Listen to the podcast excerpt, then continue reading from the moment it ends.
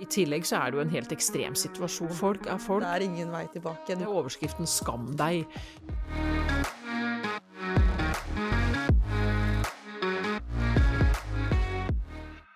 Velkommen til en ny episode av eh, På tinget. Jeg heter eh, Natalia Åkre, og i dag har jeg med meg Grete Wold. Eh, velkommen. Tusen takk. Går det bra med deg? Ja, det gjør det. Mm. travle dager. Man kjeder seg jo ikke akkurat, men eh, jo da, det går bra. Ja, fordi eh, du jobber jo i kommunal- og eh, forvaltningskomiteen. Hvordan er det å jobbe der? Jeg er så glad for at du sier at man jobber i en komité, for veldig ofte så sier man at man sitter i en komité, Ja. og det høres så passivt ut. Men det er faktisk en, en jobb. Det er, eh, man jobber med saker, man eh, bringer temaer til bords, og man diskuterer politikk, og man prøver å skape en form for endring. Men uh, den komiteen jeg jobber i, den er kjempefin. Uh, Vi er en veldig, veldig fin gjeng. Uh, Veldig mye dyktige folk. Veldig godt sammensatt, både i forhold til geografi og kjønn, og ikke minst veldig varierende erfaring. Noen har jo svart belte i kommunalkomiteen, mens vi er flere som er helt nye. Og det er en veldig, veldig god kombo. Mm, føler du du har kommet godt inn i det nå? Dere har jo, du har jo jobba her en liten stund nå, siden eh, september, så Ja, det, det begynner å gå seg til. Det gjør det. Eh, høsten var det jeg pleier å si litt hamsterhjul, altså. Det var løpe, løpe, løpe, prøve å forstå hva som foregår, og bare henge med i svingene. Eh, takket være veldig dyktige folk på Stortinget, og ikke minst fantastiske rådgivere, så kom man seg gjennom den høsten også, uten å tabbe seg ut altfor mye. Men nå begynner ting å falle litt mer på plass. Man begynner å få en, ja, en arbeidsrutine, få liksom en måte å møte oppgavene på, og man begynner å skjønne litt hva alle disse små forkortelsene faktisk betyr. Mm.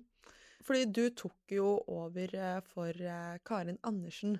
Eh, fordi jeg tenkte at vi skulle snakke en del om flyktninger. Det er det på en måte er, som er ukens tema i denne episoden. Og jeg husker at Karin fortalte meg at hun fikk jo trusler og stygge meldinger, altså daglig, liksom. Eh, nettopp fordi at folk har jo så sykt eh, delte meninger når det kommer til eh. Eh, har du merka noe til det? Veldig lite.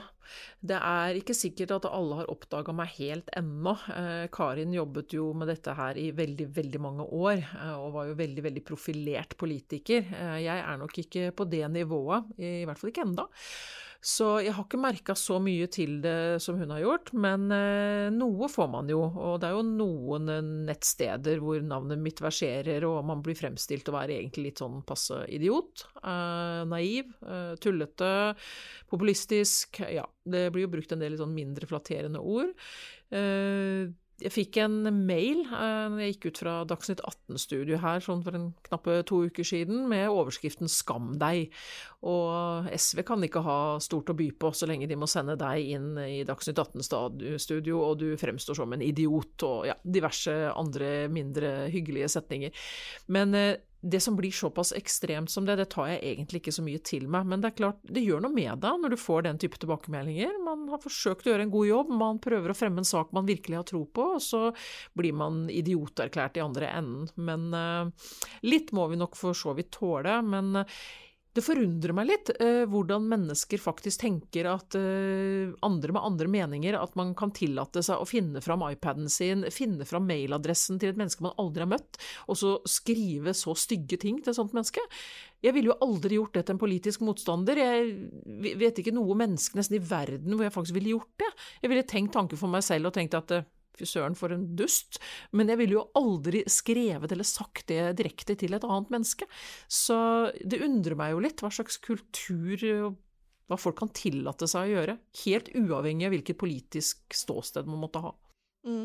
Altså, det er greit å være uenig, liksom, men når Absolutt. det kommer og er eh, usaklig og Ja.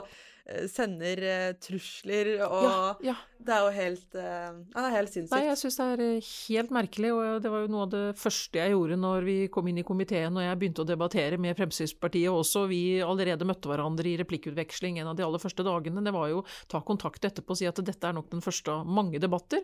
Eh, betyr jo ikke at ikke vi skal ha en god tone eller lytte til hverandre. Det er jo sånn vi skal utvikle politikk. Det er jo nettopp å lytte til hverandre. Så hvis man ikke gjør det, så syns jeg kanskje at man gjør en litt slett jobb. Mm. Og som sagt så skal vi jo snakke en del om eh, flyktninger. Eh, denne episoden Den ukrainske presidenten Zelenskyj holdt jo tale i stortingssalen på onsdag, eller eh, via skjerm, da. Og jeg syns det var ganske rørende. Hva syns du? Det var eh, rørende. Dessverre så hadde ikke jeg mulighet til å være i salen uh, under talen, for jeg var på reise, men jeg fulgte selvfølgelig med via skjerm. Og det er jo sterkt å få eh, en tale og et vitnesbyrd for et menneske som står midt i den situasjonen og med det området han har ansvar for nå. Tenk deg bare å være ansvarlig for å drive et land eh, mens det pågår en krig, Å og være så avhengig av hjelp og støtte fra andre land for å faktisk overleve som nasjon. Så det må jo være en voldsom belastning, eh, i tillegg til at han også på mange måter står i fare for sitt eget liv, vil jeg tenke. Så ja, det er, det er rørende. og jeg la spesielt merke til at det var tydeligvis gjort et forarbeid. Eh, det var veldig tydelig at han snakket til Norge. Og det syns jeg jo også bærer preg av at man, man gjør denne jobben ordentlig. Det, det, var ikke et standard manuskript som tok til alle eh, parlamentariske forsamlinger i Europa. Eh, han hadde faktisk sikta seg inn på, på, nettopp vårt publikum, så det, det står i respekt av. Mm. Ja, for han sier jo sånn eh, Vi har ikke felles grense, men vi har en felles nabo som står mot våre felles verdier. Eh, og da føles det jo også enda eh, nærere at vi har liksom en eh, At vi har samme nabo. Ja. Eh, tror du at folk eh, har blitt mer åpne når det kommer til flyktninger etter det som har skjedd i Ukraina, siden det på en måte står oss mye nærmere enn det vi er vant med, da? Det blir jo lettere når det blir veldig nært. Og det er ikke lange avstander mellom oss og Ukraina, og det er ikke så voldsomme store kulturforskjeller heller. Og det gjør jo at vi lettere identifiserer oss med de menneskene som nå er på flukt. Eh, I tillegg så er det jo en helt ekstrem situasjon. Det er jo så innmari, innmari mange eh, som er på flukt. Det blir så nært. Og vi får jo på en måte alle bildene rett inn i TV-stua vår, og det er klart at det, det, gjør jo at det er naturlig for oss å ønske å hjelpe. Og det, den dugnadsånden og den solidariteten som veldig mange nå viser, det er jo noe som vi absolutt skal hegne om og være stolte av. Så er det viktig at vi gjør det på en god måte. Og det er viktig at vi også åpner øynene våre for mennesker som er på flukt eh, i andre deler av verden. Hvordan er det du opplever eh, de andre partiene? Eh, føler du at de er mye snillere når det kommer til flyktninger nå enn det det har vært før? For det har jo vært en kampsak for SV å få inn flyktninger og hjelpe andre. Mm. Jeg tenker at dette må vi se på som en mulighet. Eh, dette kan være en øyeåpner for mange, eh, å se hvordan vi eh, tar imot flyktninger. Hvordan flyktning-, asyl- og integreringspolitikken vår faktisk er. Og at det blir satt på dagsorden, det er jo en mulighet til å bringe de sakene som SV og Karin Andersen har kjempet for i mange, mange, mange år. Og det skal vi fortsette. Og da tenker jeg at det er viktig for oss vi eh, også får med oss de andre partiene, og kanskje en litt større forståelse for det. Samtidig så ser vi jo at eh, det er enkelte andre partier som nå skal man si, eh, benytter anledningen til å redusere antallet andre flyktninger som vi også har forpliktet oss til å ta imot. Det er jo sånn at vi har forpliktet oss til å ta imot 3000 kvoteflyktninger. Eh, og dette er mennesker som har vært på flukt eh, i årevis, eh, og som har et veldig, veldig stort hjelpebehov og beskyttelsesbehov. Og vi må også ta imot dem med åpne armer. Men vi utfordres jo nå. Det er klart det kommer veldig mange fra Ukraina, og så får vi jo virkelig håpe at man kan finne en diplomatisk og god løsning på denne krigen, så disse menneskene kan få lov til å reise hjem. Og da må vi jo selvfølgelig hjelpe Ukraina med å bygge opp det som er bombet sønder og sammen. Og så tenker jeg, eh, så må du også bare fortelle, hva er det SV har lyst til å gjøre for eh, flyktninger og eh, flyktningkrisa? Vi har jo en rekke tiltak som vi ønsker å få på plass, og vi fremma jo nå et representantforslag, som det heter, i Stortinget i går, med ti tiltak som vi tenker er viktige.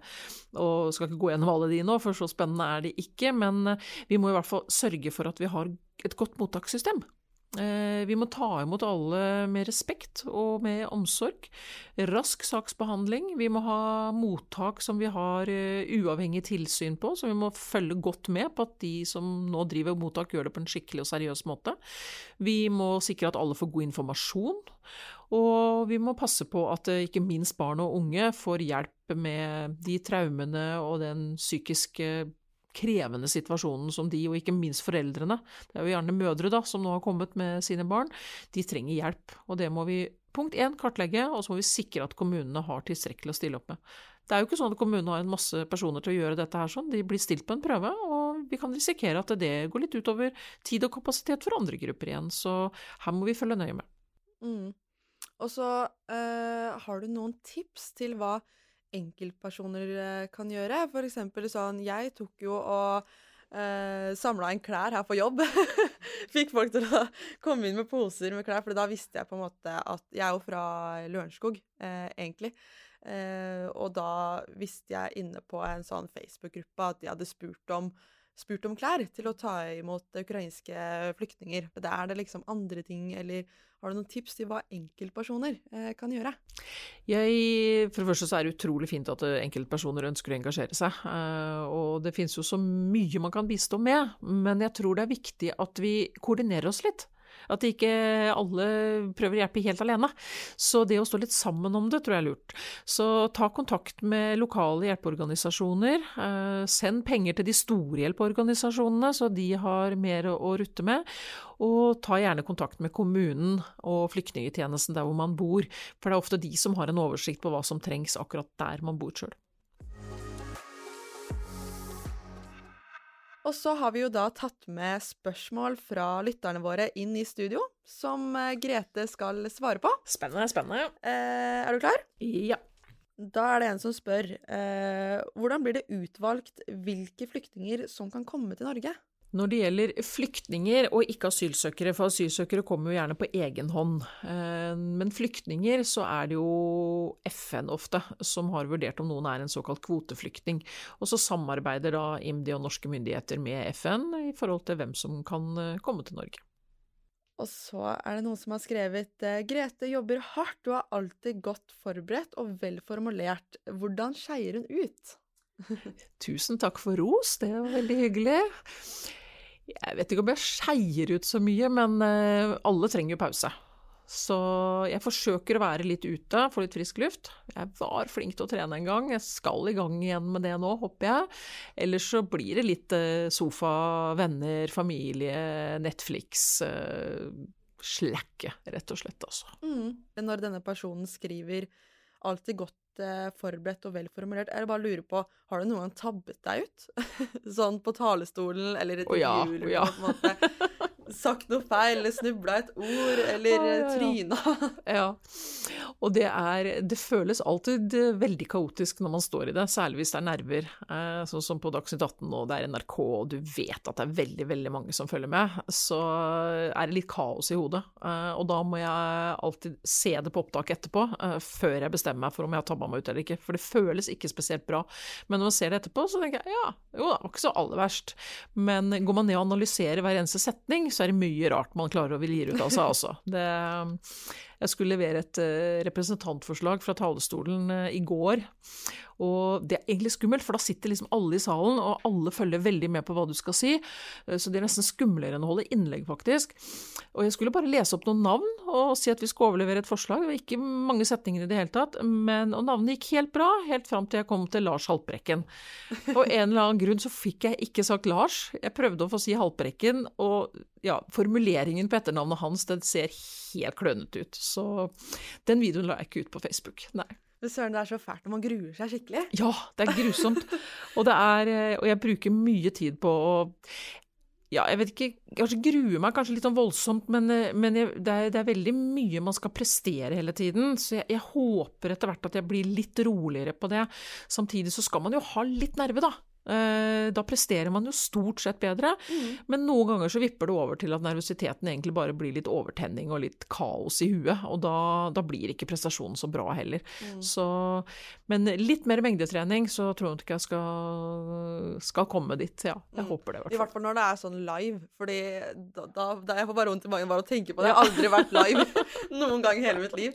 Men bare sånn OK, du er, det er ingen vei tilbake. Du kan ikke Nei. gå inn og klippe i det her og ta det vekk. Samtidig så er det litt frigjørende noen ganger også, fordi at eh, hvis man har et budskap man gjerne vil formidle, og det er live, og man får lov til å holde ordet såpass lenge at man faktisk rekker å si tre setninger som gir mening, så er det faktisk også en fordel. Mm. For jeg har blitt intervjua ganske mange ganger over lang tid, og så klipper de en og en halv setning av alt det du sa, og putter det inn i en helt annen kontekst, og så blir det sånn Var det det hele, liksom? Mm. Det, det, det gir jo knapt mening. Og da, det er litt sånn småskuffende. Men eh, live, så Det som blir sagt, det blir sagt. Ja, ikke sant? Så går vi videre til spørsmålene. Uh, hva tenker du om å hjelpe Altså, det står i hermetegn å hjelpe i nærområdet, som Frp uh, ofte snakker om. Vi skal selvfølgelig hjelpe i nærområdet. Der eh, SV og Fremskrittspartiet skiller lag, er jo at vi i SV mener at vi må gjøre begge deler.